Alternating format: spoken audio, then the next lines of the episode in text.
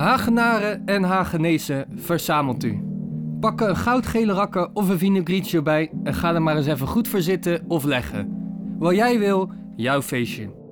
Vandaag hebben we weer een schitterende gast. Van mij een echte Haagse toppa. Dit is nu al Haagse ellende, de podcast.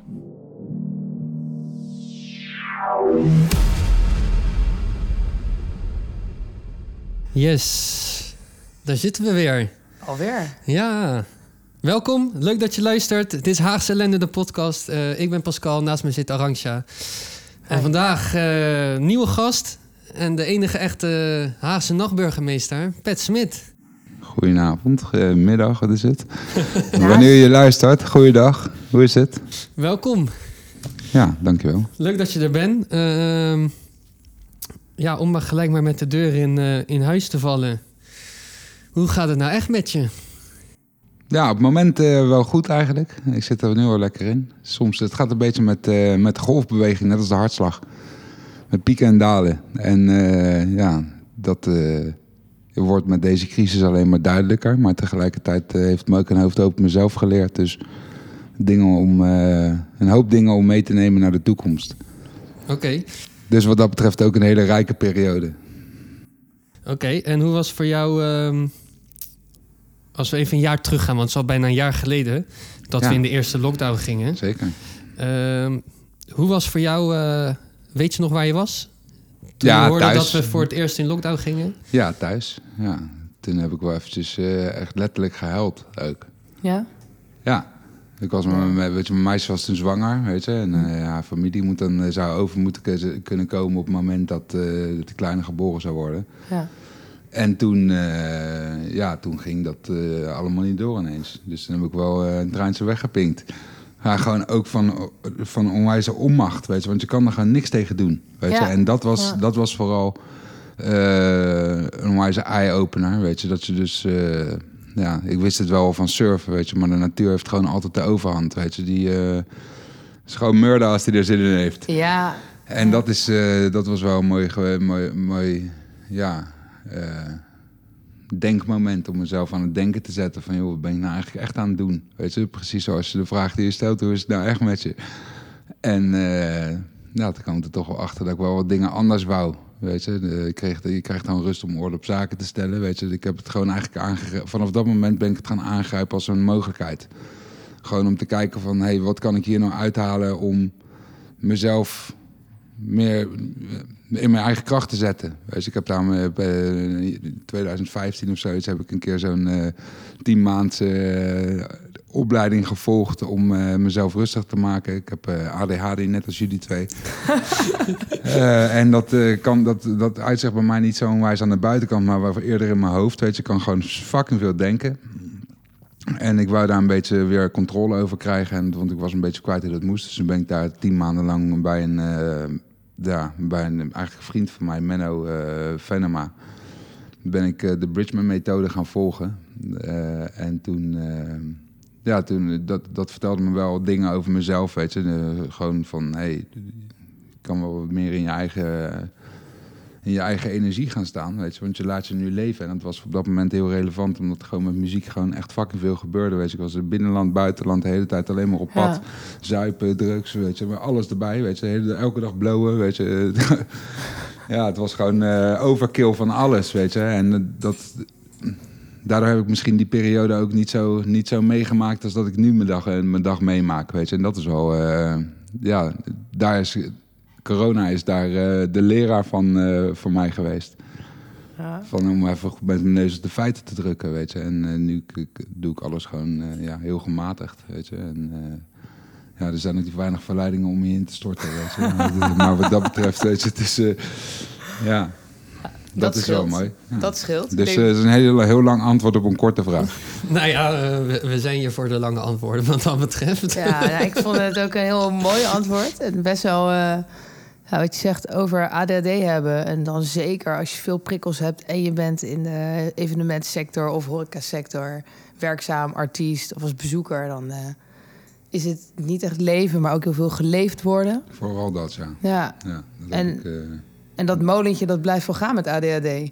Dus ik denk dat het uh, in coronatijd dat je dan ineens tegen een muur aanloopt, dan is het wel de kunst om er ook overheen te stappen. Ja. Ja, ja, maar dat is dus ook wel weer een onderdeel van de winst die je houdt, het ADHD, weet je. Dus onuitputtelijke vechtlust, weet je. En dat is, wel, uh, dat is wel iets wat, uh, waar ik dan ook weer dankbaar voor ben, wat daar vandaan komt. Maar je moet overal een beetje meer leren ja, overweg te gaan, het overweg te kunnen, weet je, met jezelf. En dat is misschien de grootste uitdaging, gewoon met jezelf door één deur kunnen. En dat is, nou, één trucje wat bijvoorbeeld uh, Menno uh, op een gegeven moment tegen me zei. Toen ging hij naast me staan zo. Zegt hij, uh, zeg nou eens tegen in de spiegel dat je echt dat je meent. Weet je, dat je voor jezelf houdt. Dan staat er iemand naast je. Dan moet je in één keer zo tegen jezelf gaan zeggen. Ja, dus daar vond ik een beetje, ik een beetje ongemakkelijk van. Weet je, zeg je, een beetje ongemakkelijk van. Dan zegt hij, ja, zie je wel. Ja. Weet je, jij laat mij controle voeren. jij, jij hebt nu al mij de controle gegeven om tegen jezelf te zeggen van, nou, dat ga ik niet doen. Ja. Terwijl jij gewoon, je bent zelf de baas. Weet je, jij kan zeggen van, ik zeg, ik zeg alleen, misschien moet je dat eens proberen. Tegen jezelf in de spiegel zeggen van, uh, ik hou van je. Probeer dat maar eens. Dan heb je zelf de keuze of je dat wel of niet doet. Maar jij laat jouw keuze beïnvloeden door mijn aanwezigheid. Ja. En toen dacht ik zo, inderdaad, gek. Hè? is helemaal waar, weet je. En toen ging ik het helemaal uitleggen zo met uh, nou, al je energiezones en weet ik wat allemaal. Nou, dat is prachtig natuurlijk. Ja. En dat, uh, ja, dat was ik weer een beetje kwijtgeraakt. En nu werk ik nu wel weer met mijn neus op de feiten gedrukt. Van hé, hey, misschien moet ik, kan ik beter daarin gaan hangen. Gewoon mijn eigen pad volgen. In plaats van dat ik de hele tijd om me heen ga kijken van waar ik me aan moet koppelen. Weet je. En dat is, uh, ja, dat is de winst die ik uit uh, COVID-19 heb gehaald. Ja, precies. Dus, ja. dus als ik het goed begrijp, in 2015 heb je die cursus gedaan. Ja. En toen kwam je eigenlijk weer snel in een weerwar van. Uh, nou, op rond die tijd ging ook een. Uh, ik had een hele lange relatie met een meisje. En uh, ik geloof dat we bijna tien jaar op dat moment samen waren. En toen ging dat over. En toen. ja, dan, dat doet pijn natuurlijk. Mm. Weet je, dat is logisch. Altijd. En daar moet je een weg in vinden om dan weer jezelf te vinden, weet je, na zo'n lange periode. Weet je. Dus toen dacht ik, dat is een mooi, een mooi steuntje om richting te geven, zeg maar. Dus toen ben ik dat, die cursus gaan volgen, mm -hmm. zeg maar. En uh, toen ben ik op mezelf op een gegeven moment ook, ja, het is, het is, helemaal niet gek, weet je. Het is gewoon een terugval naar een oud gebruik, weet je. Ja. Je gaat gewoon weer in, wat, ging, wat deed ik toen ik de laatste keer vrijgezel was? Nou, de, toen, was ik 26, toen was ik 26. dus ging, ging, ging keihard. Nou, dat ging ik nu ook weer doen, weet je. En daar heb ik ook een hele hoop mooie ervaringen mee opgedaan. Een hele hoop inspiratie voor de rest van mijn leven. En ook een hele hoop lessen geleerd. En uh, ja, dat, dat is super mooi. Maar nu is het weer tijd voor andere dingen, weet je. En dat is wel een. Uh, daar is uh, ja, misschien dit een hele, heel hard. Hele harde straf voor, dat COVID-19, ja. dat we met z'n allen binnen moeten zitten. Maar tegelijkertijd, weet ja. je, het is, uh, vroeger zat ik ook wel eens voor straf op mijn kamer, weet je, omdat ja. ik wat had gedaan. Dus dat ben je dan tijdens die eerste lockdown ben je dat weer een beetje op gaan pakken? Ja, ja, een beetje uh, gewoon mez om mezelf onder de loep te nemen. Kijk, ik werd ook uh, in juni ben ik vader geworden. Dus toen zat, was eigenlijk net weer een beetje milder aan het worden. Gefeliciteerd nog. Dankjewel. Uh, en ja, dat, dat zet je natuurlijk ook wel aan het denken. Weet je? Daarvoor, voordat die baby er was, weet je, is een meisje zwanger. Maar heb je niet gelijk een, dat verantwoordelijkheidsgevoel wat je hebt op het moment dat die kleine geboren wordt. Nee. En dat is wel iets waar ik uh, mezelf even extra onder de loep moest nemen. Van hé, hey, oké, okay, ik heb nu gewoon een behoorlijke uh, taak te dragen. En uh, ja, dat, eh, ja, daar moet je ook naartoe bewegen natuurlijk. Dus dat is ook met, met vallen en opstaan gaat dat. Maar ja, dat is wel, je leert snel op zo'n moment. En, uh... en je hebt ook, ik heb er ook ruimte voor, weet je. Dus dat is ook lekker. Want je, normaal gesproken, ik dacht uh, eerst, uh, ik had vorig jaar had ik een uh, paar showtjes in Italië, in Duitsland, in Frankrijk. En dat zou dan van juni tot, tot augustus duren. Nou, dan zou ik, als die kleine dan een maand was, zou ik dan bijna zes weken weg zijn. Wauw.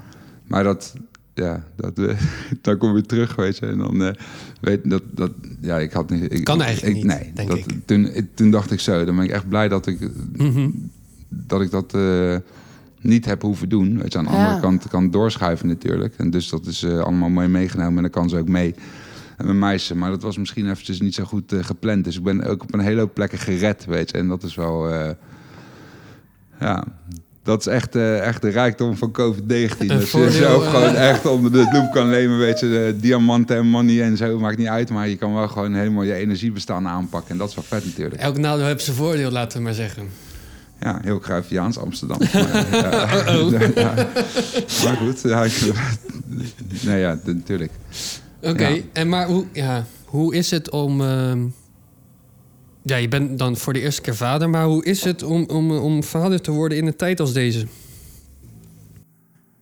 Ja, ik, eh, ik, ik, ik weet niet beter. Nee, weet precies. Nee, ja, dat, dat zat ik nu ook te denken. Ja, nee, ik weet niet Waarschijnlijk, beter. eh, Ja, ik denk dat het gewoon... eh, ja, er, waren, er zijn natuurlijk wel wat dingen wat anders geweest. Maar ik heb, weet je, je hebt ook heel veel tijd voor elkaar, weet je. Dus ik ben, eh, ja, eh, ik ben muzikant van, eh, van broodwinning. En ehm, ja, daar is gewoon eh, niet zoveel in te doen. Weet je, aan het begin was ik wel echt bezig. Ah, ik moet dit doen, moet bezighouden. Maar nu ga ik gewoon met de flow mee. En dat gaat eigenlijk veel beter. Dus eh, het is ook heel veel kan alles meemaken, weet je, van, eh, van mijn meisje, van die kleine, weet je, ehm, van mezelf ook vooral. Ik ben niet altijd even rustig, omdat ik soms als er dan aankondiging voor nieuwe maatregelen komen, bijvoorbeeld ben ik wel even van slag af. Weet je, die avondklok vond ik echt irritant. Weet je, dat ik echt dacht van zo, gaat iemand mij nou vertellen dat ik binnen moet zijn? De laatste keer dat het gebeurde was ik 14 of 15 of zo, weet je. En dat was gewoon, maar dat is dan ook mijn eigen verzet. Dus ik, dan zat ik weer mezelf in de weg, weet je. Dus, en nou heb ik dan, dus elke keer als er dat gebeurt, word ik met mezelf geconfronteerd. En dat is ook wel iets eh, om eh, als aandachtspuntje mee te nemen naar de toekomst. En hoe was het dan eh, afgelopen zomer toen we weer even wat mochten? Ja, Wat toen, heb ja toen, ik was de, de 16 juni geboren, weet je. Dan heb je de eerste zes weken heb je toch wel... Ja, dan kan je niet zo heel veel naar buiten, weet je. Mij had ook eh de keizersnede gehad, dus dat... eh, Oh, oh shit. Ja, dan moet je sowieso Ja. zes weken herstellen. Dus ja, dat, die zomer is eigenlijk gewoon echt in een waas voorbij gegaan. En alleen maar in de babybubbel gezeten, wat super lekker is. Een roze ballon, weet je. En nu eh, is het weer tijd om vooruit te werken, weet je. Dus ik heb van, dat, van die beginperiode, van, eh, vanaf het moment dat de maatregelen aangekondigd worden... dus tot voor juni, zeg maar, toen raakte het me echt wel heel veel. Totdat die kleine geboren was. En toen heb ik wel een soort van andere... eh, ja, view erop gekregen. Misschien Ja. ook met voor mezelf wat meer toekomstperspectief. Weet je, de rest geeft het allemaal niet perspectief, maar je kan jezelf natuurlijk wel toekomstperspectief geven. Mhm. Door dan gaten te vullen. Ja. Dingen die je mist in je, in je, in je skillset die je wil hebben, zeg maar. Dus eh, tijd om eh, ja, dingen over jezelf te leren is dit, eh, is dit zeker. En dat is, ja, dat is rijkdom als je het mij vraagt. Sommigen Zeker. studeren er vier jaar voor, weet je. ja. Nou. Ja. ja. Ja, ja ik, ik, ik herken wel wat Pet zegt. Want ik heb natuurlijk ook een kindje. En al voor de lockdown. En je gaat ineens wel die verschillende rollen die je zelf hebt... ehm, die ga je ontdekken of herontdekken. Want als jij buiten, buiten, buitenshuis op het strand in de horeca rondloopt... dan ehm, ja, ben je op een hele andere manier jezelf... dan wanneer je thuis bent. Mama bent, papa bent, zorgt voor een huishouden, zorgt voor een kindje, zorgt voor een gezin. En het Ja. is makkelijker te Ik leren. draai een fles cola open. eh, voor, de, voor de luisteraars denken, wat is dat gesist eigenlijk? maar het is een fles cola. Want een drankje op zijn tijd moet kunnen, toch? Maar nee, inderdaad, ik snap wat je zegt. Ga Ja. verder. Nee, maar dat je op die manier ook jezelf als ouder een stuk beter leert kennen. En je kan er ook niet voor wegvluchten. Je kan niet even een café in, want die waren dicht. ja. Ja, nee, ja, nee, natuurlijk. Ja, soms mist dat ook wel. Maar het, is, het gaat eerder nu om het feit dat het gaat nu niet meer om mij. Weet je, Dat? Het, het gaat nu niet meer om mij. Het gaat nu gewoon om, eh, om met z'n allen. Weet Ja. je, dus eh, je met kunt- mijn gezin en familie daar. Het, Ja. het is veel meer dat georiënteerd. Het geeft ook wel meer rust, weet je. Alleen soms heb je natuurlijk nog steeds die, eh, ja, die uitschieters heb ik soms nodig, weet je, om eventjes te voelen dat ik leef. Ja, En dat is, eh, dat is nu niet zo heel veel. Dus dan moet je dat ergens anders zoeken. En dat vind ik soms lastig om te vinden. Dus dat is. eh, want inspiratie doe je ook niet op in een periode dat je niks meemaakt. Weet je? Dus dat is. dat, ja. Dan kan je niet meer uitgedachten goed koppelen aan nieuwe ideeën. Weet je? Dan, dan linkt je verleden niet meer met je, met je nu. ja. Dus dan, dat is soms lastig, weet je. Dan, ik vind het heel lastig om dan bijvoorbeeld dingen te schrijven waarvan ik denk van, eh, dan moet ik een liedje gaan schrijven. Maar ja, ik zit nu gewoon, zitten we gewoon met z'n allen in een fucking eh, in ellende, weet je, letterlijk. Weet je, Eh, zo heet de podcast natuurlijk ook. Maar het is, Ja. het is gewoon niet, het is niet de leukste periode van mijn leven, weet je. Het is, maar het geeft ook wel weer een hele hoop inzicht over mezelf, waardoor ik dus, als het wel weer open gaat, ja, extra handvatten heb om... eh, Ja. ja, om, eh, om mee te nemen naar, naar wat ik nou wil, weet je. En misschien ook wel verder naar voren te richten. Waar je, eh, ik eh, liever op de takken zat, weet je. Ik ja, pak die zijstraat wel even. Ja, toch, dan was je weer drie dagen om. Dan- ja, maar maar dat is dus wel tijd die je in andere... Weet je, dat zijn drie dagen die je kwijt bent... die je veel beter in, eh, in andere dingen kan stoppen. Maar dat weet ik nu, weet je. En ik denk ook dat het goed is dat, je die, dat ik dat mee heb gemaakt voor mijn weg. Ja. En zo heeft iedereen zijn eigen pad. Weet je. Je komt een hele hoop muren tegen. Weet je. Dan moet je of doorheen rennen of overheen klimmen. Ja, Ja, je wordt wel keihard geconfronteerd met die verantwoordelijkheden. Je kan nu niet meer ja zo maar dat is, makkelijk dat is zeggen. sowieso een onderdeel van het leven, toch? Ja, maar je kan ze nu niet zo makkelijk meer ontvluchten. hè? Vanwege te weinig, eh, of ja, gebrek aan uitlaatkleppen. Ja, ja. Maar hoe, hoe, hoe, ehm, hoe ga je nu toch, zeg maar, af en toe ehm, die uitweg pakken? Of dat stukje dat je voelt dat je weer leeft, zoals je net zei. Nou, op eh, avonden zoals dit vind ik leuk. Weet je, dat, met, ja, dat voelt een beetje als een kroeggesprek, toch? Weet je, dat Ja. je gewoon eh, Nee, je- zeker. je praat over eh, onderwerpen van eh, ja. Ja. de, de- de- hoe het bij jou leeft, het bij jou leeft. Weet je, en Ja. dat, is, dat is natuurlijk sociaal contact is gewoon lekker. Weet je, dat geeft heel veel reflectie. Ja. Want dan kan je je eigen, je eigen idee weer eh, tegen een spiegel aanwerpen en kijken hoe het terugkomt, toch? Weet je, dus dat is, dat, ik heb dat heel erg nodig. Maar eh, ja, tegelijkertijd eh, ja, is dat dus maar, ja, dat, dat is niet zoveel nu. Ja, moet je zelf een soort van creëren. Dus doe ik het maar in de Albert Heijn. Als ik iemand tegenkom, sta ik soms een half uur met iemand te praten, weet je. Ja, bij het biervak, weet je, lijkt het nog ergens op. Maar het is, ja, Zo nee, maar dat, dit. maar, Oh, dat mijn is wel, God. maar dat is wel wat er gebeurt. Want je hebt dat wel nodig natuurlijk. De mens is natuurlijk wel een heel sociaal dier, weet je. En dat is... ehm, ja, dat is wel iets wat ik heel, eh, heel erg mis. Hey, die tweede lockdown, Ja.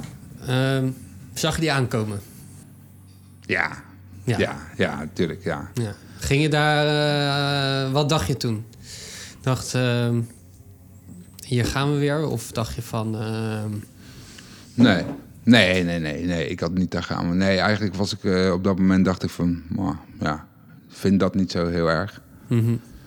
Ehm, wat er toen gebeurde, weet je natuurlijk. We konden gewoon nog livestreamen. eh er kon nog een hele hoop dingen kon je, kon je gewoon doen, weet je. Dus dat vond ik niet zo, heel erg. Maar de, maar de laatste periode vanaf december, zeg maar... toen echt alles weer op slot ging... Mhm.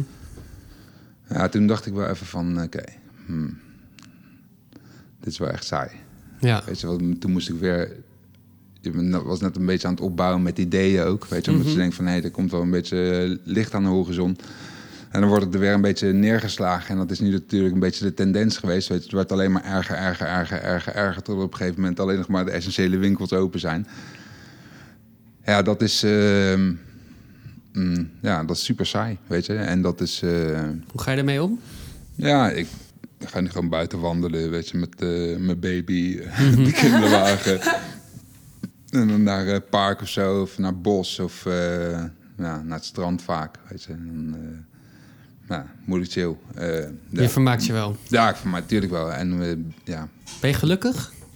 ik ben, ja, ja, ik ben echt, ja, ja, ik ben best wel gelukkig nu. Jeetje, Pascal, wat een brutale vraag. hè? Nee, nee, nee, nee. Maar dat is, nee, het is wel een hele eerlijke vraag. Ja, ik ben, ik ben, wel ik ben zeker gelukkig. Ja. Wel gelukkiger als dat ik eh, was voordat de crisis begon. Dus dat is wel echt mooi. Oh, wauw. Het is Ja. een heel mooi antwoord. Ja, jij bent een van de weinigen, denk ik, die ik dit heb horen zeggen. Nou, en jij?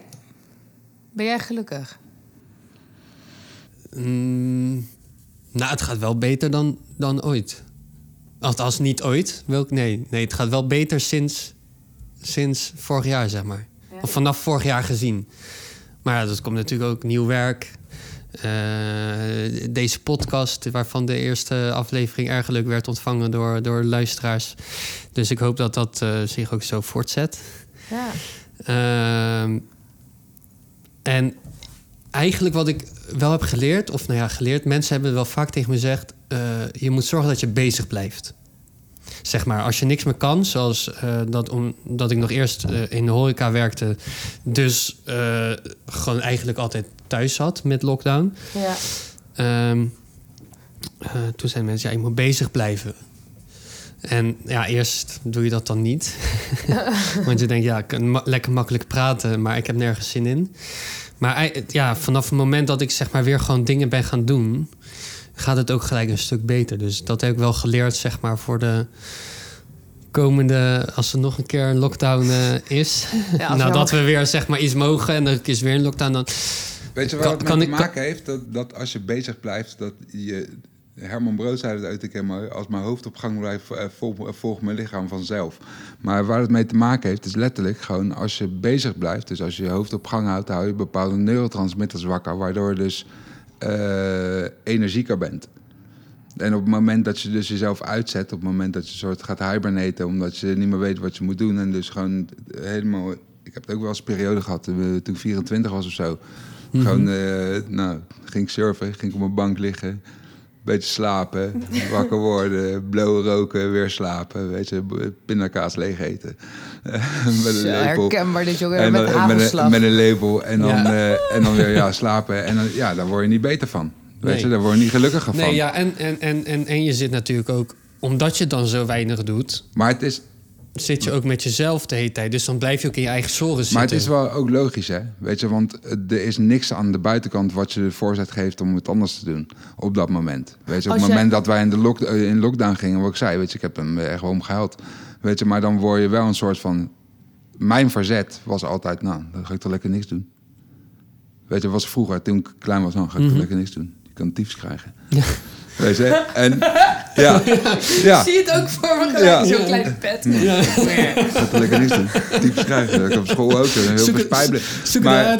Weet je, totdat ik op een gegeven moment erachter kwam dat ik eigenlijk zelf de touwtjes in handen had. Weet je, dat ik mezelf een beetje in de weg zat. En dat, en Juist, dat zijn je hebt natuurlijk. jezelf ermee. Ja, nee, maar dat, is, dat bedoel ik net maar- ook inderdaad. Maar die confrontatie, die krijg je dus door je hele leven heen. Weet je, Ja. want het is gewoon een loop van wie je zelf bent. Alleen groeit de cirkel.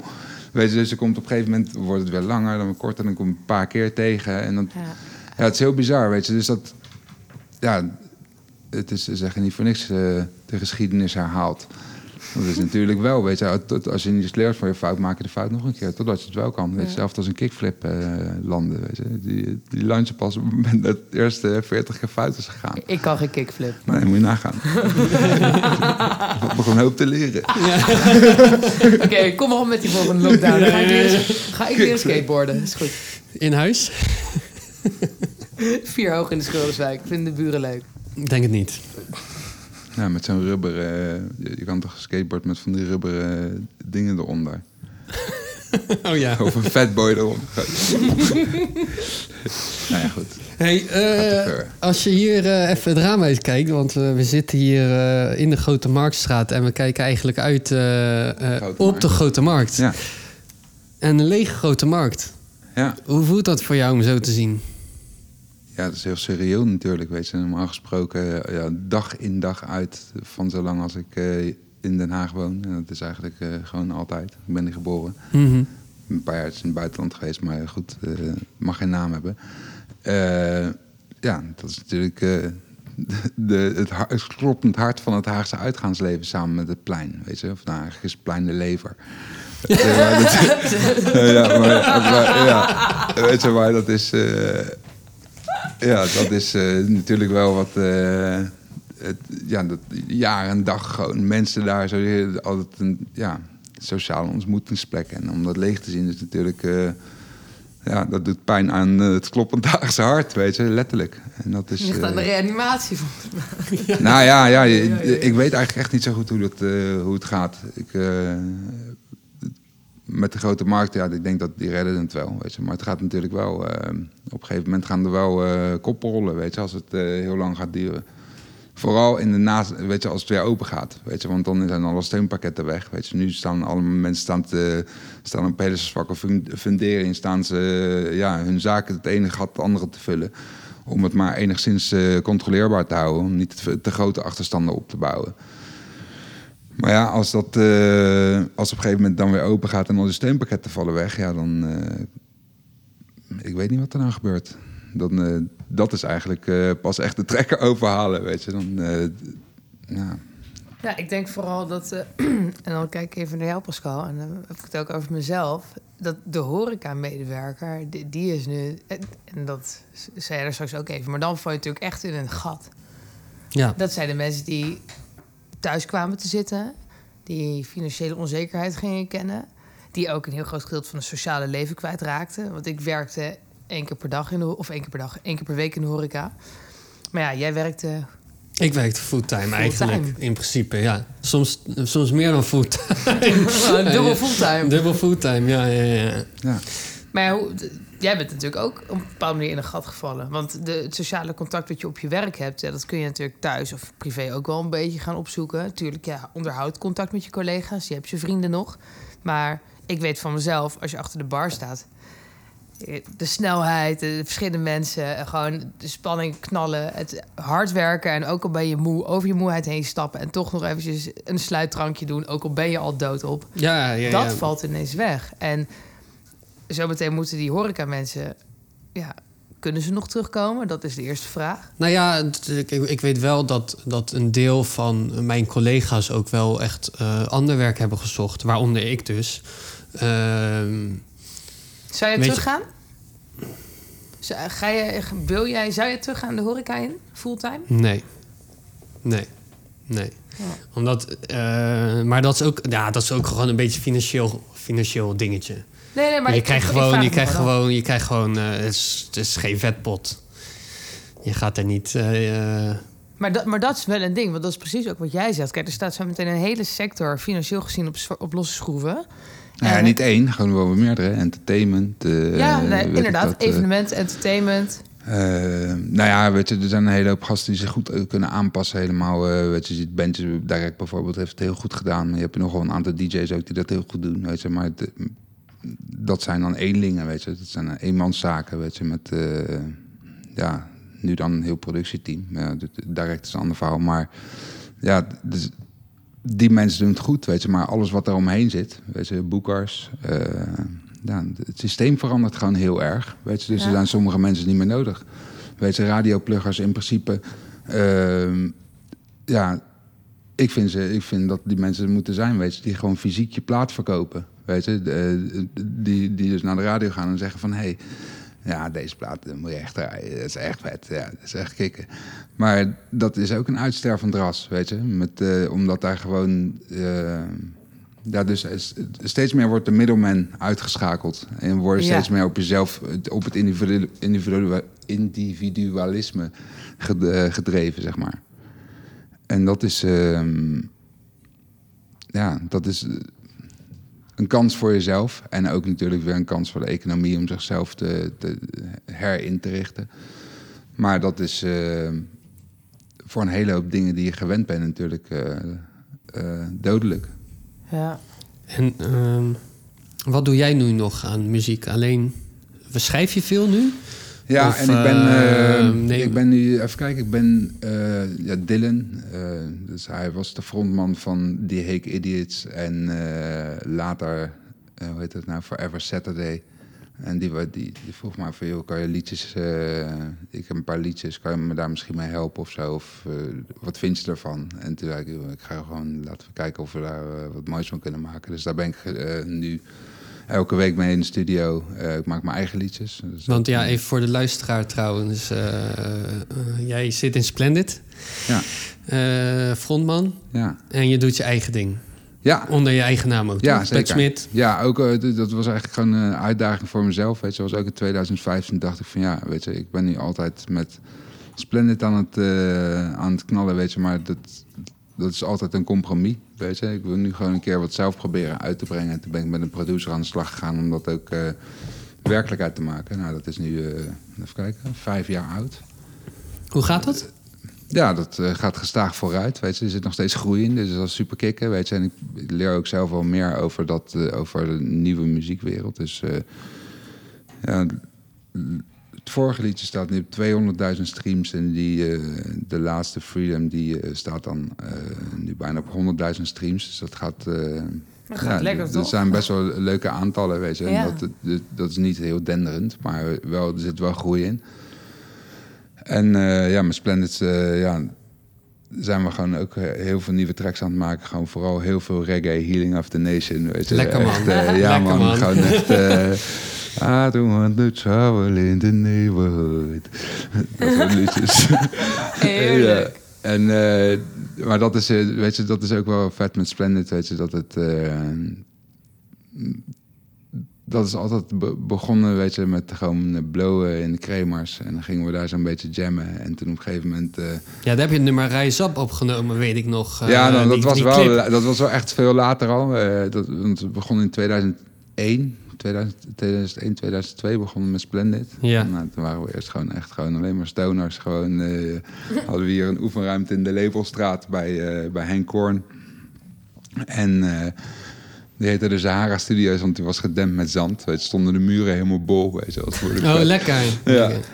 Dus eh, ja, heel, ja, heel vet. Maar daar zaten we dus, er was elke keer maar een half uur zuurstof. Dus dan konden we zo een half uur spelen, zo helemaal eh, losgaan. En dan de deur open naar buiten. En moesten we in de Leverstraat een peuk gaan roken en zo. Nou, kikken. Maar dat was dus... eh, toen, toen kregen we zo eh, eerste optredens. eh, een beetje bij eh surfdingen. Want de drummer surfde, ik surfde. Mhm. En eh, ja, dus ging een beetje spelen. En dat groeide daar een beetje uit. En dan gingen we Club Geluk spelen in, in Paard. Dat was de eerste soort van echte grote optreden. Maar daarvoor is nog een keer geweest in Diligentia. Toen heten we de eerste avond Splendid. Daarvoor heten we Pacific Vibrations. En toen was er iets van de Haagse Popweek. Was er in eh Theater, Theater Diligentia. En dan mochten wij dan spelen in de foyer. Oh, echt? Heb ik nog gewerkt, joh, een paar jaar. Ah, ja? ja, ja, lachen. En eh, toen mochten we daar spelen, maar eh, we hadden de hele dag in de kremers gezeten. En eh, daar is het lekker eh, met z'n allen lekker. eh, nou goed, spullen daarheen. Spelen en eh, biertjes gedronken. Eh, nou, nummer drie of zoiets. Ik, eh, we hadden toen helemaal geen liedjes, bestaande liedjes. Weet je, dus we gingen gewoon alleen maar jammen. Maar mensen vonden het vet, dus ze kwamen altijd naar ons kijken. Dus we gingen dat daar ook doen. Maar dat ging niet helemaal lekker, weet je. Dus toen, eh, toen, eh, zette zo de, geluids, de geluidsman op een gegeven moment zette ons uit. En toen kwam zo- zo'n die vrouw van de organisatie zei van ja, nee, dit, eh, dit kan echt niet, weet je. Dit is, eh, Meen je? het gaat niet, eh, gaat, gaat niet zo goed, dus jullie, jullie, jullie mogen stoppen. En toen zei de, en toen zei de, en toen zei de, de saxofonist, zei ja, maar nu komt ons echte liedje. nu komt ons echte liedje. Was dat Bart? toen mochten we, ja, Bart, Bart. En, maar toen, ja, toen mochten we niet meer verder spelen. Maar dat, dat heeft ons eh, geen windeieren gelegd, weet je. Dat zijn wel mooie momenten. Eh, weet je, ook, eh, ja, in, eh, ja, en toen is dat vanuit die view is dat doorgegroeid naar in één keer op Siget spelen, eh, vakken grote podia en, eh, de- ja, in binnen- en buitenland. Ja, sick. Heel vet. En ehm, Ja, ik weet, ik weet nog dat ik toen eh, in Zeeland, hoe heet het nou? Dat festival. Concert at Sea. Ja, daar, ben je, daar heb je ook gestaan. Maar Ja. hoe, hoe... Ik bedoel, eh, ik neem aan dat je eh, naast dat je het gewoon leuk vindt om liedjes te schrijven en te zingen... Als jij optreedt dan krijg je, voor een groot publiek, dan krijg je een bepaalde kick daarvan. Ja, natuurlijk. Ja, dat is Een bepaalde high.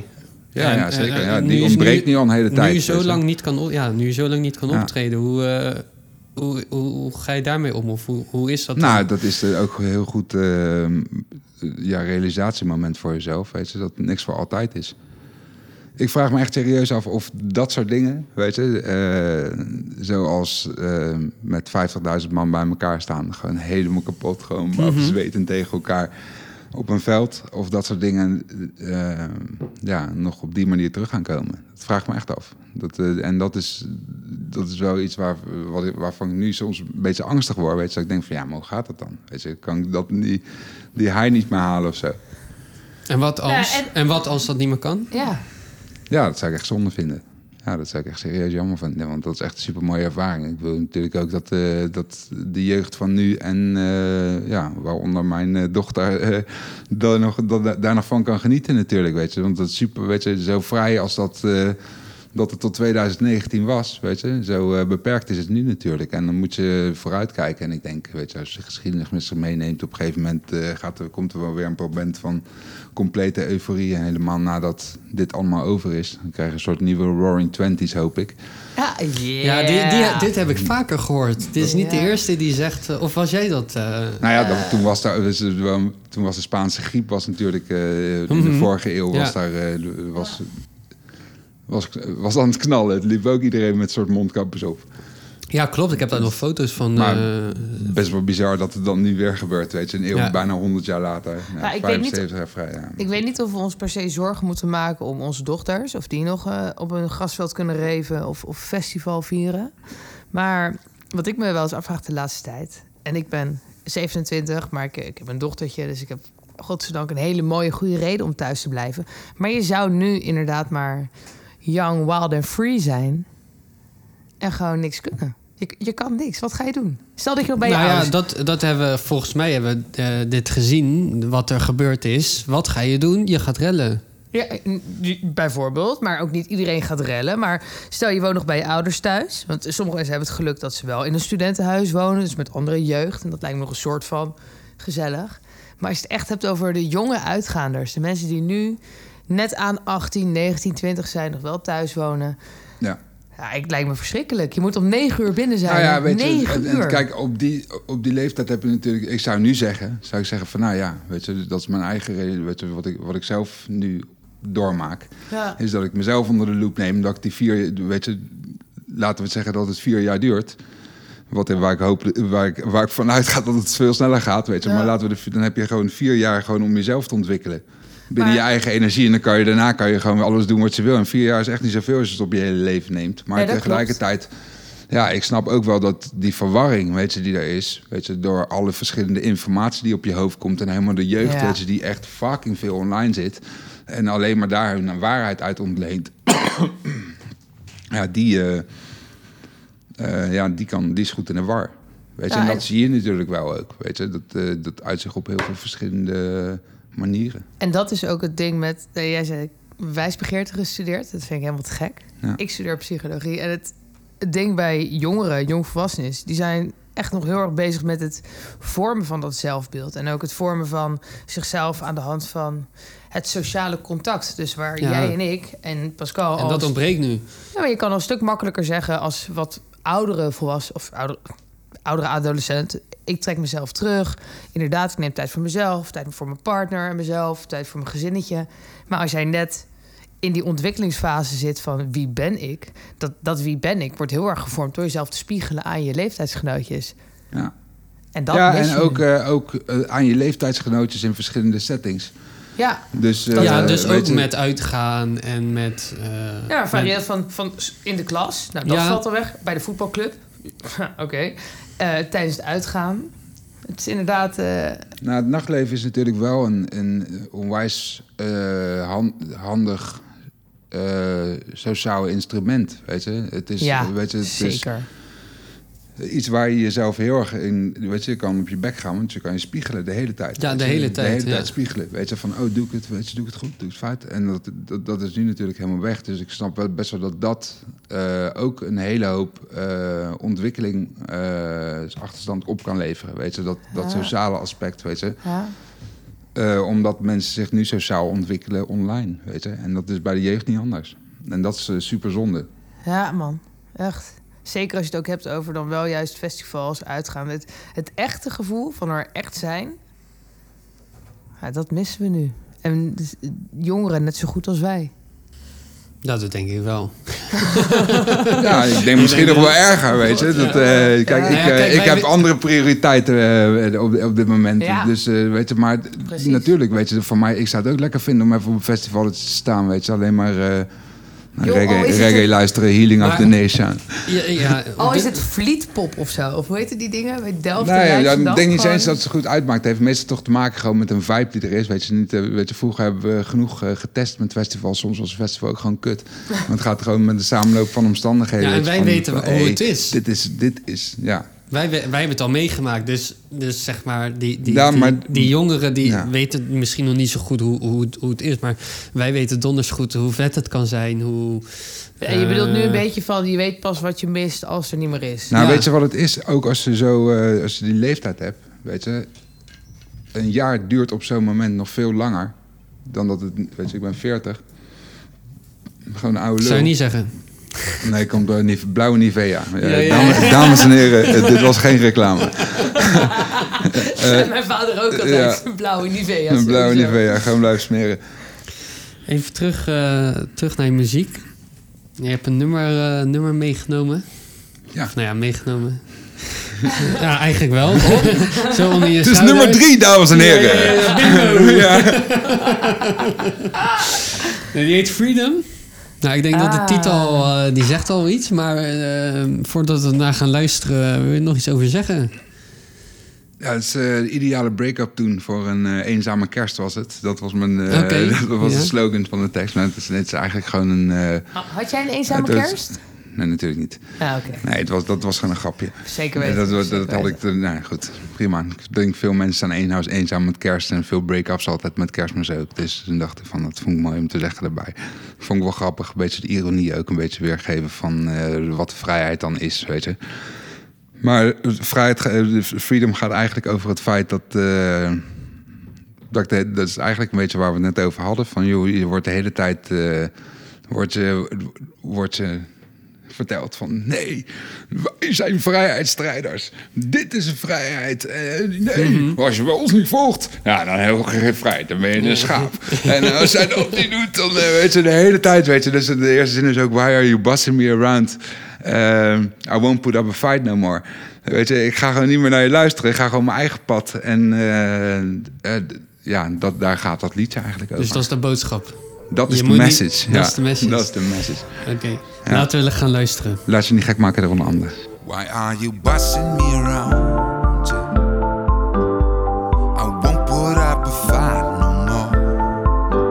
But that doesn't make me worry about. Cause I'll be gone, get lost, get lost.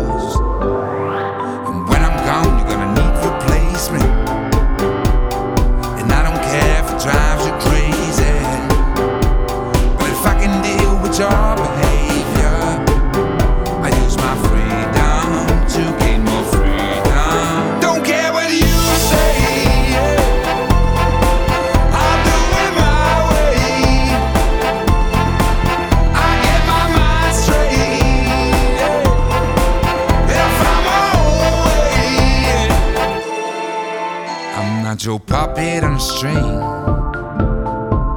I am a strong, proud human being. It's just that bossy little head of yours that sends me off. Get lost, get lost. And if you think that I might need you, you lost control, cause I don't need you. I don't wanna deal with your behavior. So I use my freedom to chase more freedom.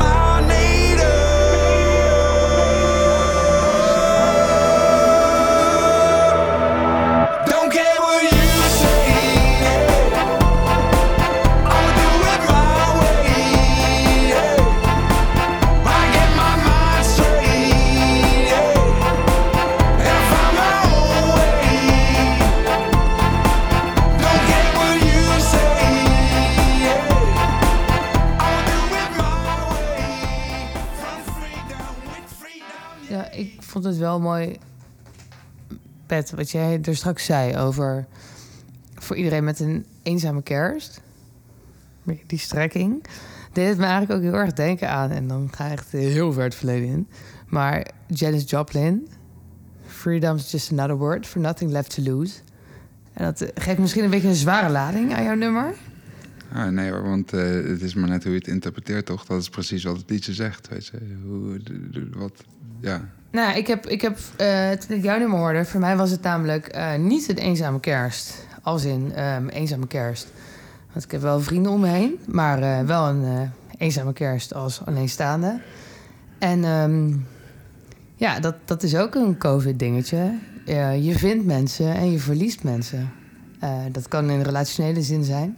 Nee, ik weet niet of je mensen verliest, man. Je raakt ze gewoon eventjes... eh, ik denk dat ze een beetje uit, uit het oog verliest. Nou, nou dat, weet je, maar... en, eh, en, maar dat hoeft niet te betekenen dat je mensen verliest. Weet je, als op een gegeven moment weer een beetje de normale... En toeters en bellen, hè, hier zo in de straat. Nee, maar eh, freedom, Maar, freedom eh, is ook wel echt een dingetje van... ehm, ja, hoe verbonden ben je? Nou, het is een erg beladen thema momenteel natuurlijk, weet je, met, met alle... weet je, al zelf toen... Ik weet niet wat de leus is hier in de straat. Maar, Ja, het- Dames en heren, eh, de buurt gaat in vlammen op. We gaan dadelijk van podcast naar live-verslag van... eh, nou ja, goed, eh, laten we er geen grap over maken. Misschien is iets ernstigs aan de hand.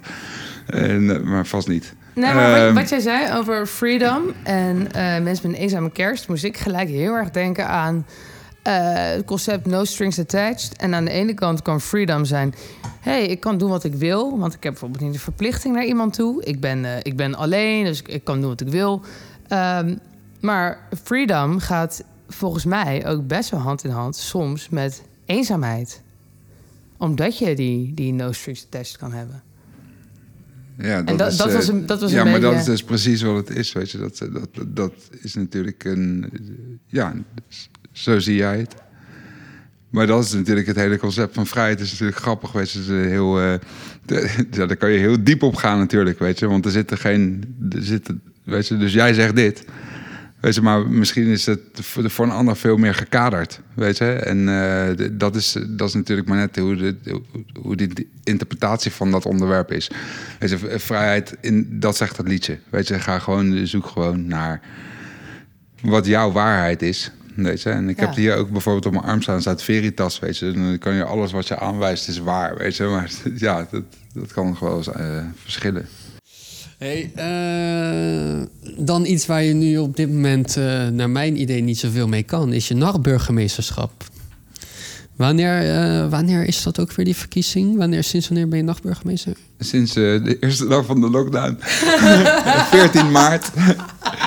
Eh, de eerste dag van de Oh eerste ja, dat is wel waar, want 14 dat werd maart. toen inderdaad werd Ja. dat online werd dat, eh, bekendgemaakt. Dus ik ben ik online nog. nachtburgemeester alleen nog maar.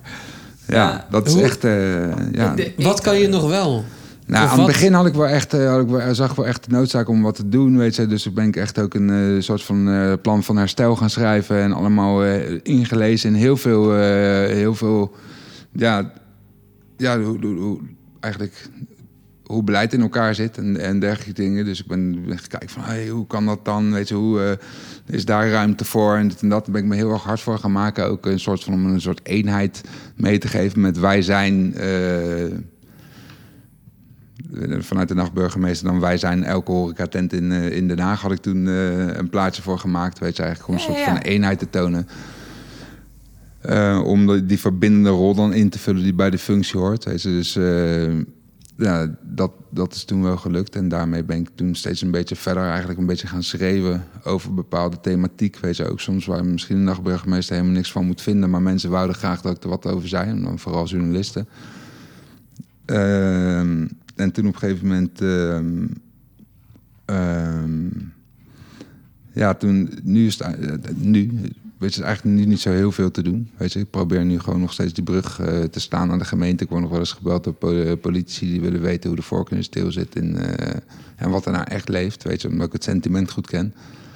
Dus dat is wel, eh, dat is wel, eh, wel goed om daar zo'n soort van eh, idee aan mee te geven van hé, hey, misschien kan je dit doen. Weet je, en er zijn hele belangrijke thema's, weet je, voor voor de toekomst van de nacht. Weet je, niet, weet je, nu is hij er niet, maar hij komt een keer terug. Weet je, en als hij terug is, dan, dan moet je ervoor zorgen dat alle, alle soort van errors die erin zaten ehm, weg zijn. Of in ieder geval in verbe aan verbeterende hand ja, zijn. En dan, ja, daar horen een paar dingen bij, weet je. En dat, eh, ik denk dat voorlichting een heel groot stuk is. Weet je, de jeugd eh, maakt nu niks mee, maar die worden in één keer in dieper gestort hierna. Weet je, dat gat moet je opvangen. Anders, Wat voor eh, voorlichting? gewoon over, ge- over gedrag in de nacht, drugs, alcohol, maar allemaal gebundeld en op een menselijke manier, weet je. Niet de hele tijd met een plaatje in je gezicht op, op gebiedende wijze van je moet dit doen. Nee, het moet leven, weet je. Het moet leven. Waarom? Je moet naar iemand toe kunnen gaan, weet je, die, eh, die zegt van, hé, hey, ja, nou ja, je kan, weet je, dit is, zit zo en zo in elkaar. Weet je, over, maakt niet uit welk onderwerp, alcohol, drugs, eh, maar ook gewoon gedragscodes, Seks, weet je. hey. Seks, weet je. seks. Ja, weet je, mensen gaan zichzelf ontdekken, weet je, maar die komen eh, grotendeels onbeslagen te ijs, weet je. En dat moet je natuurlijk ten alle tijd proberen te voorkomen. Dus daar probeer ik heel goed op aan te sturen, weet je, op dat, eh, op dat educatieve stuk van. Weet je, overdag op school dan krijg je bepaalde normen en waarden mee om mee te nemen op, op weg in je reis aan Maar het dan leven. gaat het maar niet over drank en drugs. En het gaat niet over drank en drugs, het gaat Althans, niet over... het gaat niet veel over seks op de middelbare Het school. gaat laat niet over het drank en drugs, maar het gaat, eh, weet je, het gaat natuurlijk over dingen die je kan gebruiken in, binnen, eh, om het zo makkelijk te maken om, om je leven te leiden binnen, het, binnen de regels van het systeem. Dat wordt je geleerd op school. Ja. En. Maar daar heb je verder niet zoveel aan op het moment dat jij eh, naar een feestje gaat. nee, en als je dan op een gegeven moment gaat studeren, krijg je een beetje krijg je een, diep, eh, een, ja, een dieptebeeld van hoe dat allemaal aan, aan, aan lijntjes aan elkaar verbonden is. Ja, ja, klopt. Dus het is eigenlijk gewoon een uitsplitsing. Je gaat van, van eh, blokken bouwen, ga je naar eh, eh, een beetje schrijven, naar eh, rekenen, geschiedenis, eh, aardrijkskunde. En dan eh, vaart het naar, uit naar Frans, Engels. Het wordt steeds breder, totdat het uitwappert, weet je. En je bent, dan ben je afgestudeerd. Ook zo'n ding met zo'n... weet je, wat- dat hoedje, dat is, een, is de symboliek daarvan. Maar goed, dat, weet je, dus ehm, ook nu... ehm, Sorry. Hou even terug. Wat was het onderwerp ook alweer? Ik, ik ben het heel even kwijt. Eh, nou nee, ja, de dat je- voorlichting, de voorlichting voor jongeren. oh, voorlichting. Ja, nee, dat... dat wat dus- denk je dat er veranderd moet worden? Of wat, wat denk Nou je dat ja, er mist? Ja, Ik best- denk dat sowieso... eh, dat je heel erg duidelijk moet maken hoe je... hoe je met die, met die zaken dus moet omgaan. Met die bepaalde thema's, drugs, seks. Maar ook andere gedragscodes. Hoe ga je met meisjes om? Weet je, hoe... eh, hoeveel... hoeveel geld moet ik uitgeven? Weet je, dat je het gewoon heel inzichtelijk maakt van eh, wat geef ik nou uit op een avond uitgaan. Weet je, dat je gewoon heel duidelijk eigenlijk handboek kan maken van dit is hoe je het- de, de nacht tegemoet kan treden. En dat zijn, eh, ja, daar kan je wat mee. En nu is dat vaak nog gebrekkig, weet je. Daar wordt eigenlijk niks over verteld. Dus daar ligt een gat, weet je. En dat is, eh, dat- ja, dat, ik denk dat het belangrijk is dat je dat met een, met juist met de sector vult, weet je. Dus daarom is het dus Club van de Haagse Nacht, eh, Nachtraad. En Ja. ja. ja, dat is nog niet zo heel oud. Dat is pas nu in zijn derde jaar. Ja, maar dat, en is, dat is- dat is echt heel belangrijk. En ik, ik Nou, dat het een stem krijgt, weet je. En dat is, eh, kijk, ik ben niet voor altijd nachtburgemeester, weet je. Maar dat is wel, denk ik, dat de boodschap die moet door blijven klinken, weet je. Van dat de nacht één is, weet je. En dat het een heel belangrijk onderdeel is van de samenleving. En dat je dat ook met z'n allen eh, moet onderhouden. Om ervoor te zorgen dat eh, iedereen daar veilig eh, en gezond uitkomt. Ja, en dat de sector zichzelf dus ook een beetje daarin voorziet. Want dat, dat zei je net ook. Van, Nou, op dit moment is dat natuurlijk altijd zo gebeurd. Is is Ja. altijd zo geweest. De sector is altijd, weet je, eigen beveiliging, dit en dat, weet je. Maar je zou eigenlijk willen dat het natuurlijk...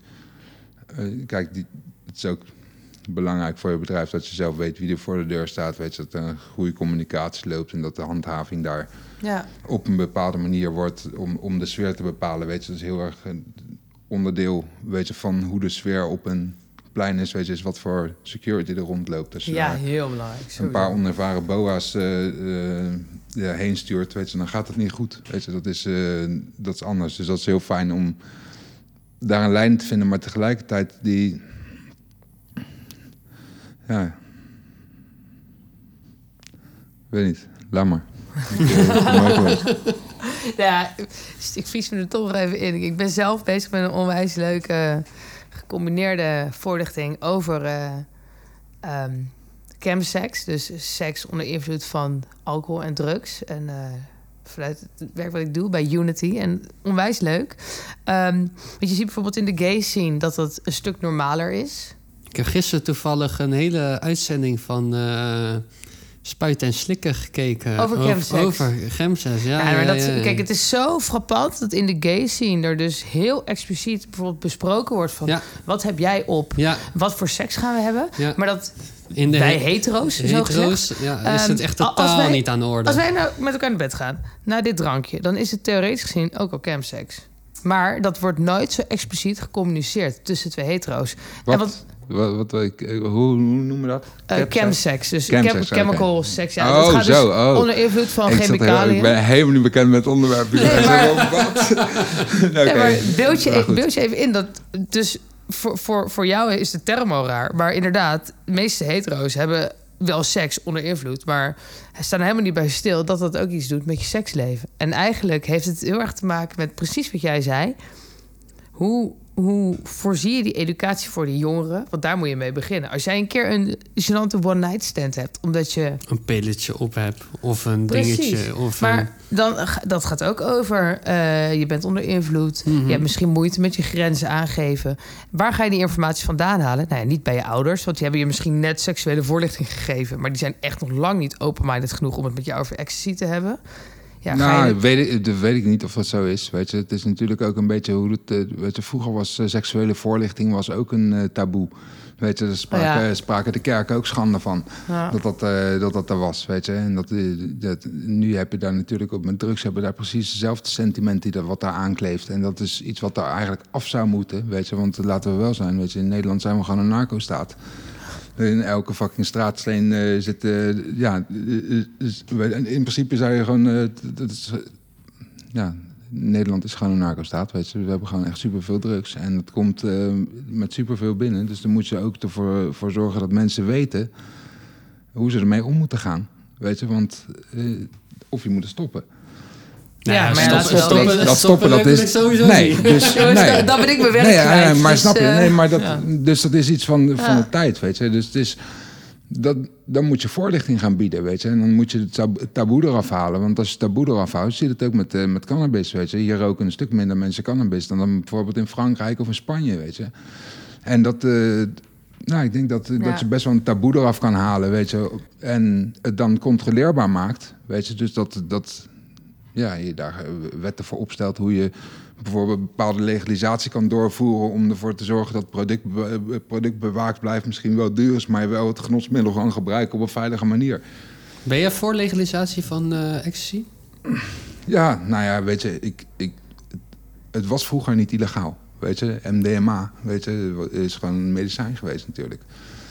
Dus als je dat op verantwoorde manier gebruikt en in eh dosissen verkoopt en daar controle over houdt, is het een stuk veiliger als dat wat nu gebeurt natuurlijk. Weet je, en er is nu zo'n overvloed van die, eh, van die handel. Wat in principe in eh, de 60s ook was met cannabis. Mhm. Ik denk Ja, zeker... dat je eigenlijk, de, weet je, het is natuurlijk heel gek, weet je, als je dat gaat doen. Want dat is voor het fatsoen, weet je, als je dat de, wereldwijd fatsoen plaatst, weet je, is dat natuurlijk te gek voor woorden, weet je, dat je een druk gaat re- legaliseren. Ja, maar jij hebt Maar op een gegeven moment, op over- een Maar- gegeven moment kan je er niet meer omheen, toch? Nee, als, maar als, dan- als, als, maar land. dan kan je Maar beter in je eigen, dan kan je beter, weet je, if you can beat them, join them, weet je, en zorg er dan voor dat je, het, eh, dat je een aantal producenten aanwijst, bij Ja, wijze van precies. spreken, die eh, op een veilige manier die, die drugs maken. En eh, zodat mensen dat ook in een winkel kunnen kopen die ze goede voorlichting kan geven, weet je. Want nu komt het uit het illegale circuit. En eh, moet je, nou, als je je pil wil laten testen, het kan soms. Één keer in de week, geloof ik toch? Ja, Anders. ja, nee, klopt. Je kan, je kan hem laten testen. Maar ik vond het ook mooi wat je aankaart maar over... Dat is, weet je, maar dat is natuurlijk een ding als je weet... waarom moet je het laten testen? Als je weet wat erin zit.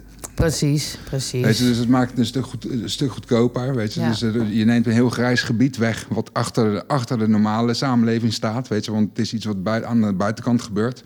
Nou, is prima dat dat gebeurt. Want het is van alle tijd. Weet je? Criminaliteit is, eh, zit gewoon in de mens. Weet je? Ja. Dus, maar tegelijkertijd... Ja, daar liggen natuurlijk... eh, Een testpunt, op een, eh, een testpunt op een festival. nou ja, sowieso. Zal ik hem even tackelen? Want eh, Nee, ja, eh, ik, ik, ik, ik, ik- Ik eh, doe dat ook als werk. Ik test drugs. En eh, voor de luisteraars, dat betekent niet dat ik eh, elke week eh ogen uit mijn kop zit te draaien. Maar, eh, en mijn tanden kapot zit te knarsen. Maar eh, het testen van drugs, dat, dat kan. Dat kan in Den Haag inderdaad op afspraak, wekelijks. Ehm daar gaat het vooral om eh ecstasy-pilletjes, poeders, et cetera. Ja, maar, dan als moet je hebben- helemaal naar een apart gebouw. Maar, als we het hebben over het testen van drugs op locatie... ehm, Dat mag niet, nou, eh, toch? Eén, het mag niet. En dat is eh, los van dat er nu natuurlijk geen festivals zijn. Nee, oké, maar... ehm, de apparatuur waarmee je drugs zo kan testen... dat je echt kan vertellen tot op het percentage af wat er in een pil zit... die apparatuur die kost nou, echt wel heel veel. Daar kun, daar kun je een leuk huis van kopen. Dus dat zet je niet zomaar op ieder festival neer. Los van, eh, en dat is de allergrootste crux of het grootste argument... een goede pil is niet per se geen levensgevaar. En dat is een beetje het lastige met testen op festivals. Op het moment dat je iemand dus een pil terug zou geven met... nou oké, jouw pil is oké. Er zit een bepaald percentage of een bepaalde dosering MDMA in... of hij is mogelijk wel vervuild. Dat maakt dus niet uit. Het blijft drugs, het blijft gevaarlijk. En het lastige op een festival is als mensen al wat op hebben... alcohol of andere drugs... en ze krijgen een pil terug met een bepaald rapportje erbij... van dit en dat zit er Ja, in maar pil... dat is puur dus gebaseerd op fatsoen. Weet Ja, maar dan je? krijg je Dus een schijnveiligheid. En wat je eigenlijk wilt creëren, en daarom testen wij dus van tevoren, dat mensen van tevoren gaan nadenken over. Weet je, wat, wat wil ik uit de druk halen? Wat wil ik uit die trip halen? En dan kunnen ze van tevoren nuchter hopelijk al een stuk beter bepalen hoeveel ga ik nemen. En op een festival, ja, het zou theoretisch kunnen. Maar het vraagt ook wel heel veel aan eigen verantwoordelijkheid. En daarom vind ik het tof dat wat Pet zei over het is fatsoensnorm in de samenleving. We zitten nu nog niet op dat punt van die eigen verantwoordelijkheid. Het blijft illegaal. Ehm, mensen kunnen niet open met hun omgeving communiceren over wat slik je, wat gebruik je, hoe vaak doe je dat. En zolang die taboe er nog niet af is, denk ik dat je ook niet op een festival moet gaan testen.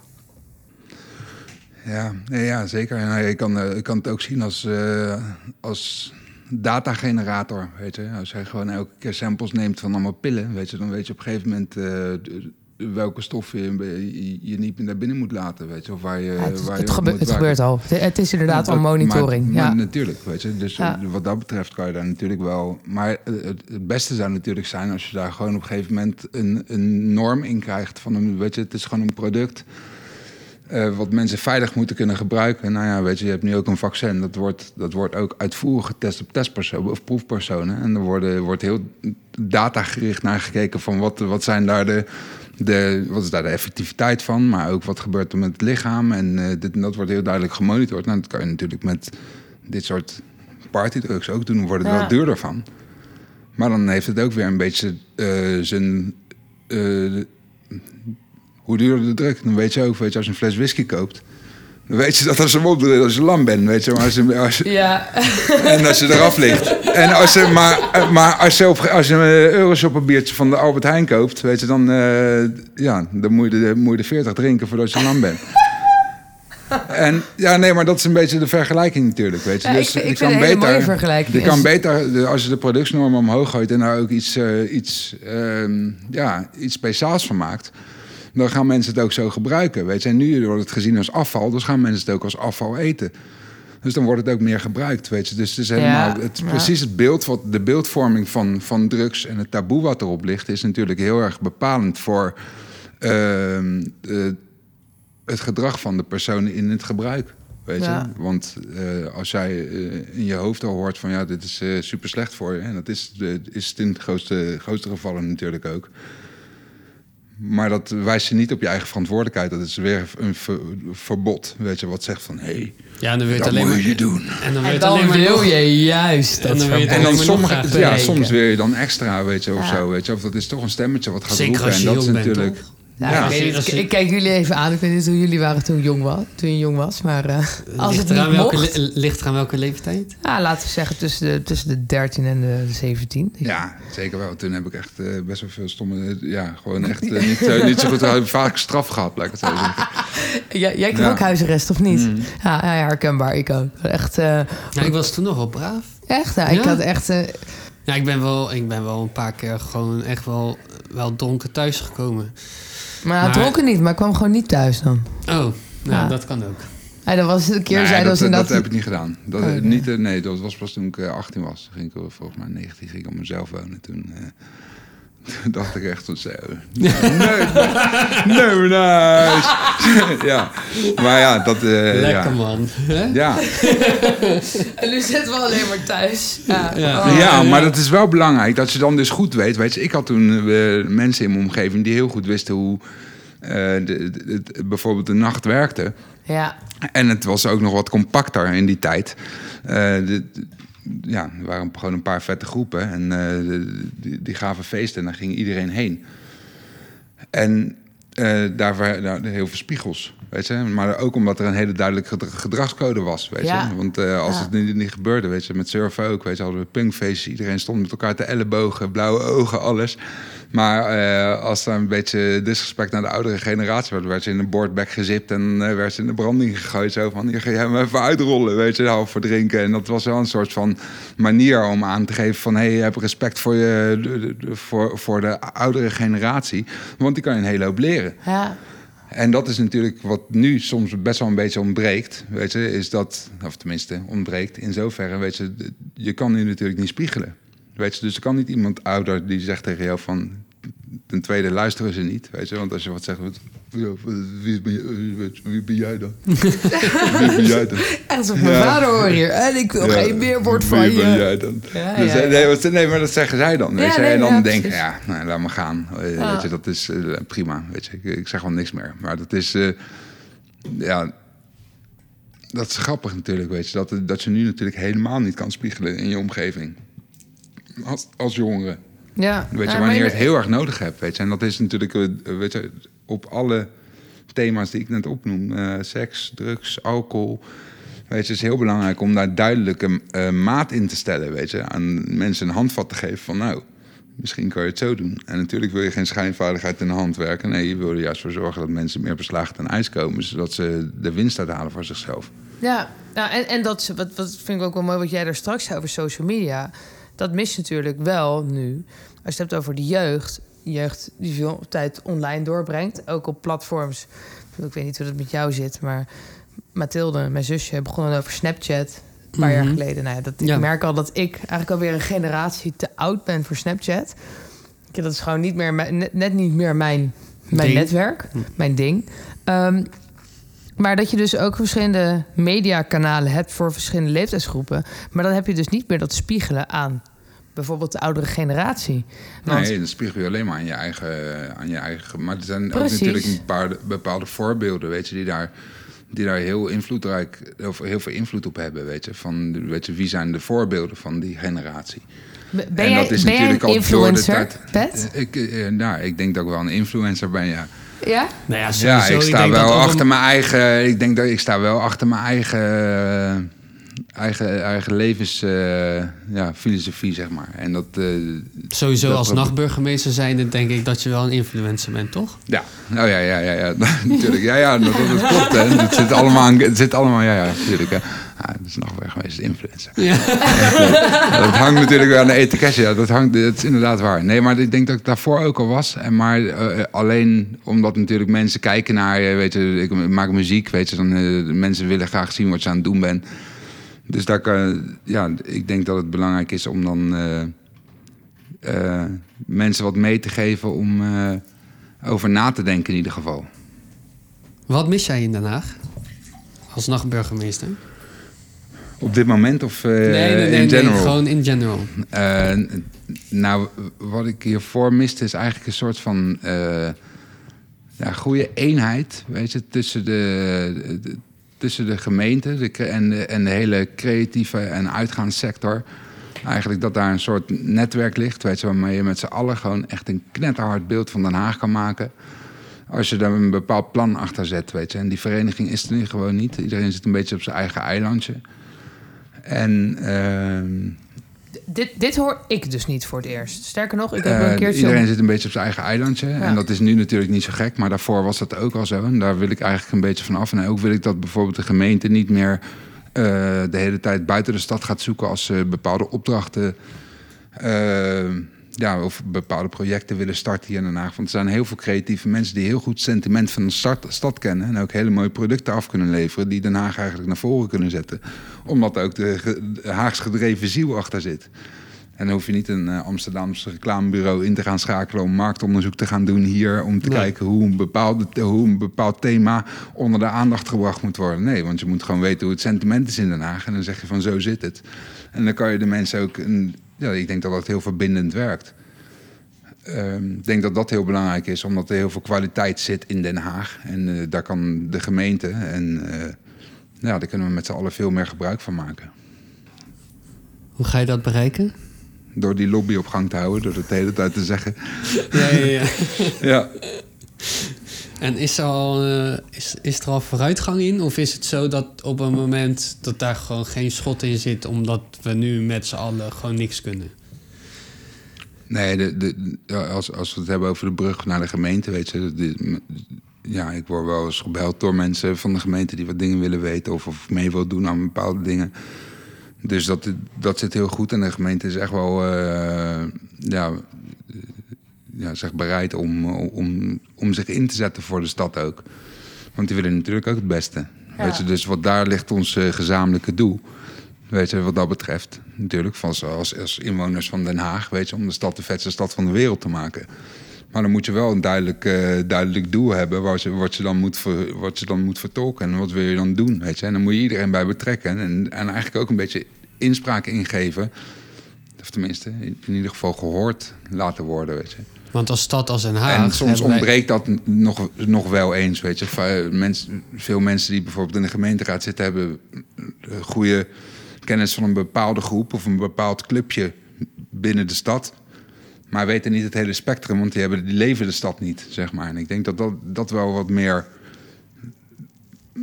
dat ze het niet meer als een soort van buiten, buitenwereld zien... Die ze, waar zij overzicht over hebben... maar eerder dat ze er zelf in staan...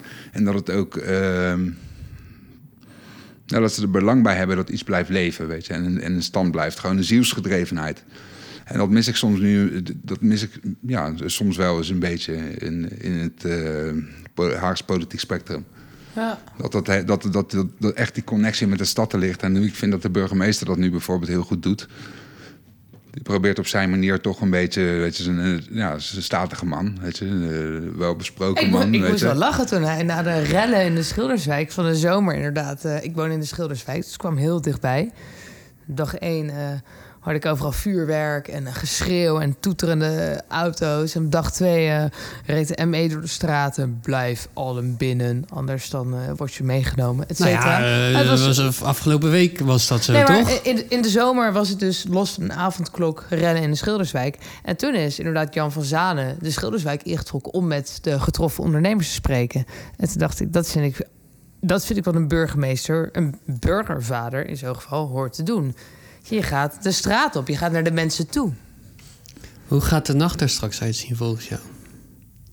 Nou, ik denk, ik denk dat op een gegeven moment de nacht wel weer in volle glorie herstelt. Weet je. En ehm, dat komt wel weer terug, maar dat heeft wel even tijd nodig ook. Weet je. Ik denk dat ook een hoop eh, ondernemingen weet je, die zich in de nacht eh, huizen... Ja, eh, toch voorzichtig zijn, weet je, nog een, helemaal nu, weet je. Ze willen zo lang mogelijk volhouden, want je weet niet hoe lang het duurt. Perspectieven zeggen nul.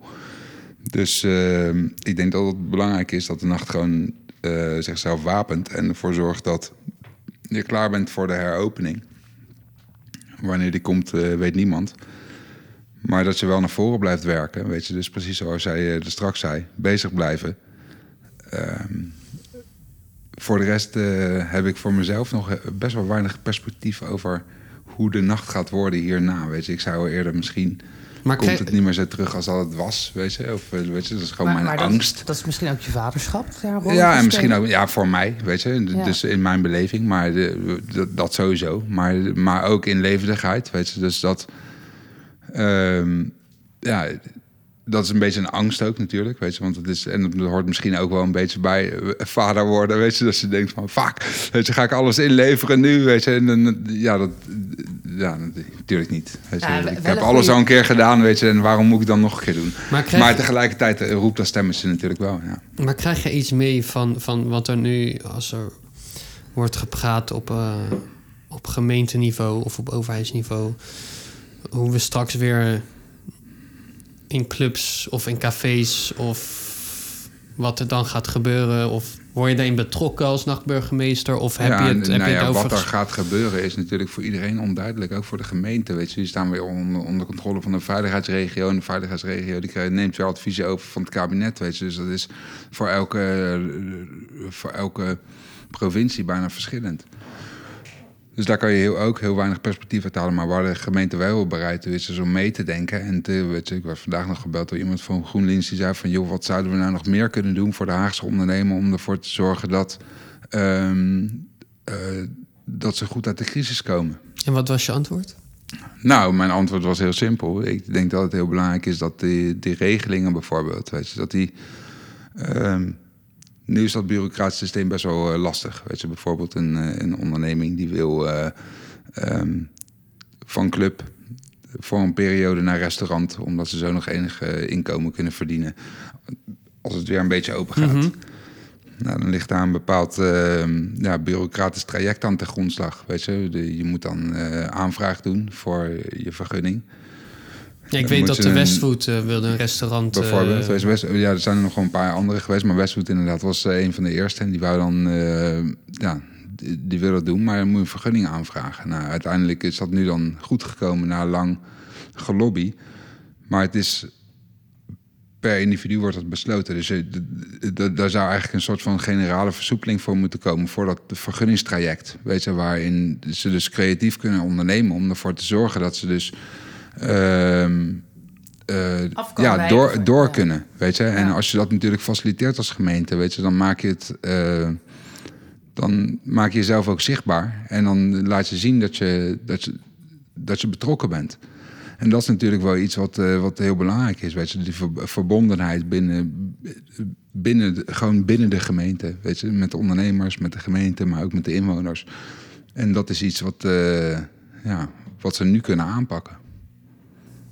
Ja, ik denk dat dat wel een hele mooie is. Want ehm, het doet mij een beetje bijna denken aan de Berlijnachtige vibes. Waar je toch wel ehm, ja, wa- wat meer kan bedienen dan puur en alleen wat jouw vergunning zegt. Nou, er is, weet je wat, wat misschien een beetje het, eh, het ding is? Is dat het, het, het idee van een nacht binnen de gemeente nog niet genoeg. ehm, ja, het belang daarvan is nog niet zo goed zichtbaar. Ja, Weet je, je hebt de Berlijnse clubcommissie, eh, commissie, die eh, startte met de crisis en die halen gelijk 4,5 ton op. Weet je, in de eerste week om ervoor te zorgen dat het nachtleven overeind blijft. Weet je, daar is gewoon, die, die hebben heel erg een relevantie bewezen en daar ook eh, voor gezorgd dat, dat het een belangrijk onderdeel van de stad is geworden. En dat is in Den Haag op dit moment, weet je, Den Haag heeft allemaal ambities. Weet je, 24 uur stad, eh, internationale stad aan zee. Ja, dan moet je dat ook kunnen faciliteren. Maar dan moet het ook gemanaged kunnen worden. En daar heb je overzicht en data voor nodig. Weet je. En daar, als je, als je jezelf er niet in betrekt, dan mis je een heel groot, heel groot stuk van de aanloop van de data. En dat is, eh, ja, dat is denk ik waar de gemeente heel veel winst kan halen. Gewoon zichzelf betrokken te houden. En daar probeer ik gewoon heel erg op aan te sturen nu. ja, ja dat, eh, dat, ik denk dat dat inderdaad heel belangrijk is. Ik vond het mooi dat je dat ook bestempelt. Want het is echt goed als er een verenigde vorm gaat komen... een verbindende vorm tussen nachtleven en gemeente... die hiervoor gaat staan en dat ook ehm, constant structureel uit gaat voeren. Het geluid van de nacht, het belang van de nacht en een nachtburgemeester en een nachtraad komen daar al wel bij in de buurt. Dat, dat, in ieder geval een, eh, dat er een platform of een persoon is. Maar eigenlijk wil je constant als gesprekspartner bijvoorbeeld meegenomen worden bij de gemeente. Ja, dat, dat hoeft. Ik, ik heb, eh, weet je, dat gesprekspartner, dat ja, prima. Weet je, dat is maar ik vind het belangrijker dat, dat bij hun het, het, het in hun eigen hoofd gaat leven. Weet je, dus dat ze er zelf wat mee gaan doen. Bij de nacht bedoel je dan? Ja, Ja, weet je, dat, ja, weet je ik ben alleen maar een doorgeefluik wat dat betreft. Weet je, van hey, hier liggen de kansen. Dus meer er representatie vanuit de nacht zelf, zou je zeggen. Ja, maar ook de, de lobby voor de nacht, weet je, in het Ja. belang van de samenleving, weet je. En ook Ja. eh, in het belang van de volksgezondheid in, dit, eh, in, in deze tijd, weet je. Want eh, sociaal, eh, sociaal contact missen is ook niet goed voor je Ik ben als een politicus, hè? De, de lobby van de nacht. Ja, nou ja, goed. Maar dat, Ja, is, dat is wel een beetje de taak, Ik, toch? ik hou ook van de nacht, lobby. Ja. Pascal, is dat niet iets voor jou, gaan lobbyen voor de nacht? gaan lobbyen. Oeh. Als? Nou ja, ik, ik Nee, denk ik, dat... ik eh, denk dat, het- dat, eh, weet je, dat, dat dat niet een één ding hoeft te zijn, weet je. Ik denk dat je dat met, met z'n allen moet doen, weet je. Dat, Ik kan dat sowieso hoort ook bij voor jou, weet je. nacht. Gewoon maar dat... eh, ik denk dat je veel trotser mag zijn op eh, wat je beweegt, weet je. En dat is soms wat sommige mensen achterhouden. Soms spiegelt het niet met de, met de mainstream. Maar je mag er wel trots op zijn dat je iets bereikt binnen een bepaald kader, weet je. Het is... eh, Ja. voordat je bovenaan zit in iets, moet je heel hard werken om daar te komen. En dat is niet Ja. altijd even duidelijk, weet je. Veel, eh, ik denk dat heel veel jongeren eh, soms nog het idee hebben dat je met duizend likes op Instagram een, hele, een hele papi bent. Of mami. Maar ja, maar, maar uiteindelijk, weet je, totdat, eh, weet je, totdat het echt gaat, eh, gaat klinken, dan moet je er echt wat mee gaan doen, weet je. En daar heb je jezelf alleen bij nodig. Maar dan moet je wel ervoor zorgen dat je snapt hoe het werkt, anders loop je tegen een muur aan. Je moet gelijk aan Famke Louise denken. ligt, of, ligt dat aan mij? Gewoon, i- Nee, ja. ja. nee, maar weet je, ongeacht weet je dat meisje doet, doet het hartstikke goed, weet je. Dus, is, eh, ja, Nee, maar, ik, ben, eh, ik ben geen fan, maar het is wel, eh, weet je, zij doet wat zij doet. Dat hoort bij een bepaald, bij, weet je, zij doet het zo goed, omdat mensen blijkbaar daar iets goeds aan vinden. Weet Ja, je, dus ook vaak weet je dat mensen zo eh, zeggen van ja, ja, je snapt echt niet waarom dat een hit is geworden. Ja, het komt gewoon omdat de majority van de mensen dat vet vindt. En daar komt natuurlijk een, bepaald voorbeeld, een bepaalde voorbeeldfunctie Juist. bij kijken. Ja. Maar ik kan me ook voorstellen dat als je zo snel in het, in het diepe wordt geworpen, eigenlijk nog met heel weinig kennis over jezelf. En je moet je dan in één keer gaan spiegelen aan een buitenwereld en dan maar voor gaan doen, dat het dan heel snel een act wordt. Weet je? En ik denk dat heel veel, heel veel jonge mensen daar last van hebben. Weet je, dat je graag eh, jezelf iets groter voordoet dan dat je bent omdat je- dat je veilig houdt, weet je. Het is eigenlijk een soort van, eh, ja, een soort van muurtje wat je om je heen bouwt. Weet je, waar dus, oh, kijk, eh, eh, kijk wat ik heb gedaan. Maar het komt eigenlijk voort uit angst, weet je. Het is eigenlijk Ja. een soort verdedigingsmechanisme. Ja. En dat is natuurlijk, ja, ik heb het ook gehad. Ik denk dat iedereen er wel tegenaan is gelopen. Maar dat is wel, ja, waar je, waar je dus van leert. En rijker van wordt. Ja. Wij vragen aan onze gast ehm, altijd om... eh, of nee, altijd. Het is alsof jij mijn gedachten kan lezen. Het gaat over het voorwerp. ja, dit gaat, niet? ja, dit gaat over het Lekker voorwerp. in twee keer Ja, ja, zeker. precies aan, aan Zeker. een voorwerp te denken. Ik ben Ja, wel heel benieuwd. ehm, eh, het was te groot om mee te nemen. eh, oh, en is nou, ook een beetje weer een onhandig. huis? Of on- onhandig, laat ik het zo zeggen. Onhandig, Is ja. het weer een huis? Nee, het is geen huis. Oh. Eh, moet ik zeggen wat het is? Ja, ja, ja, ga je gang. Een surfboard. Eh, waarom? Oké. Ja, dat is echt de rode lijn door mijn leven heen. De, Nice. Mijn eh, contact met de zee en eh, ja, het doorsurfen. Ja. Ja. Maar dan heb jij... Maar wat, waar, waar, waarom is dat dan zo belangrijk? Ehm, ja, ik denk dat, dat als je dus lang in contact bent geweest met de kracht van de natuur, weet je dat je ook heel goed snapt hoe je dat weer op het land kan gebruiken, zeg maar. En ik was best wel een beetje een pestfans toen ik jong was. Maar eh, van de zee kan je niet winnen, weet je. Dus ik kreeg elke keer op mijn vlekker. En op een moment, weet je, krijg je dan... word je beter met surfen, ga je steeds groter aan... en krijg je elke keer door hetzelfde loopje heen... maar dan word je elke keer erg met jezelf geconfronteerd. Maar je wordt er ook hard van. Dus je krijgt soms, eh, ja, kom je echt op... eh, de zandbank terecht, op de rif terecht, eh, weet ik wat allemaal, gekkigheid. Je verdrinkt wel eens een keertje bijna. En eh, dat leert alleen de natuur je. Weet je, ik was best wel een beetje tegen de raad. Weet je, spijbelde in die tijd veel. Weet je, en eh, surfen was het enige wat me op mijn plek hield. Omdat ik wist van ja, daar kan ik me niet tegen verzetten. Weet je, dus dan ga ik dat maar doen. En eh, dus surfen is eigenlijk, het, eh, nou, eigenlijk een soort van het eh, kloppende hart van mijn, hele, van mijn hele levensbaan, zeg maar.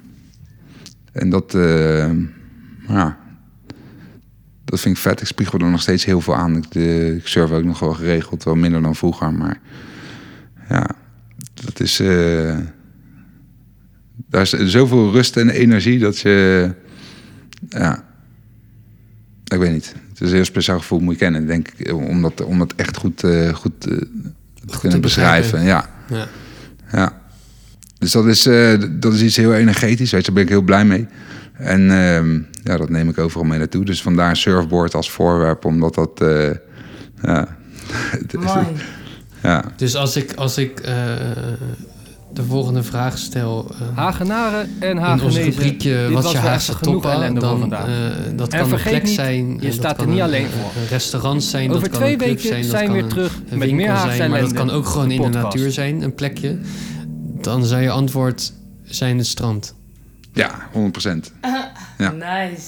Heel mooi. Ja, maar dat komt ook Ja. omdat ik gewoon, weet je, ik woon al van echt vanaf jongs af aan, aan het, echt aan het strand. Ik, eh, ik Mhm. woonde in de Jongeneelstraat, dat is achter het Beeldenmuseum, weet je, Be- Beelden aan Zee. Ja. Dus ik voetbalde elke dag op het strand. Ik was, ook al- ja, ik was altijd daar.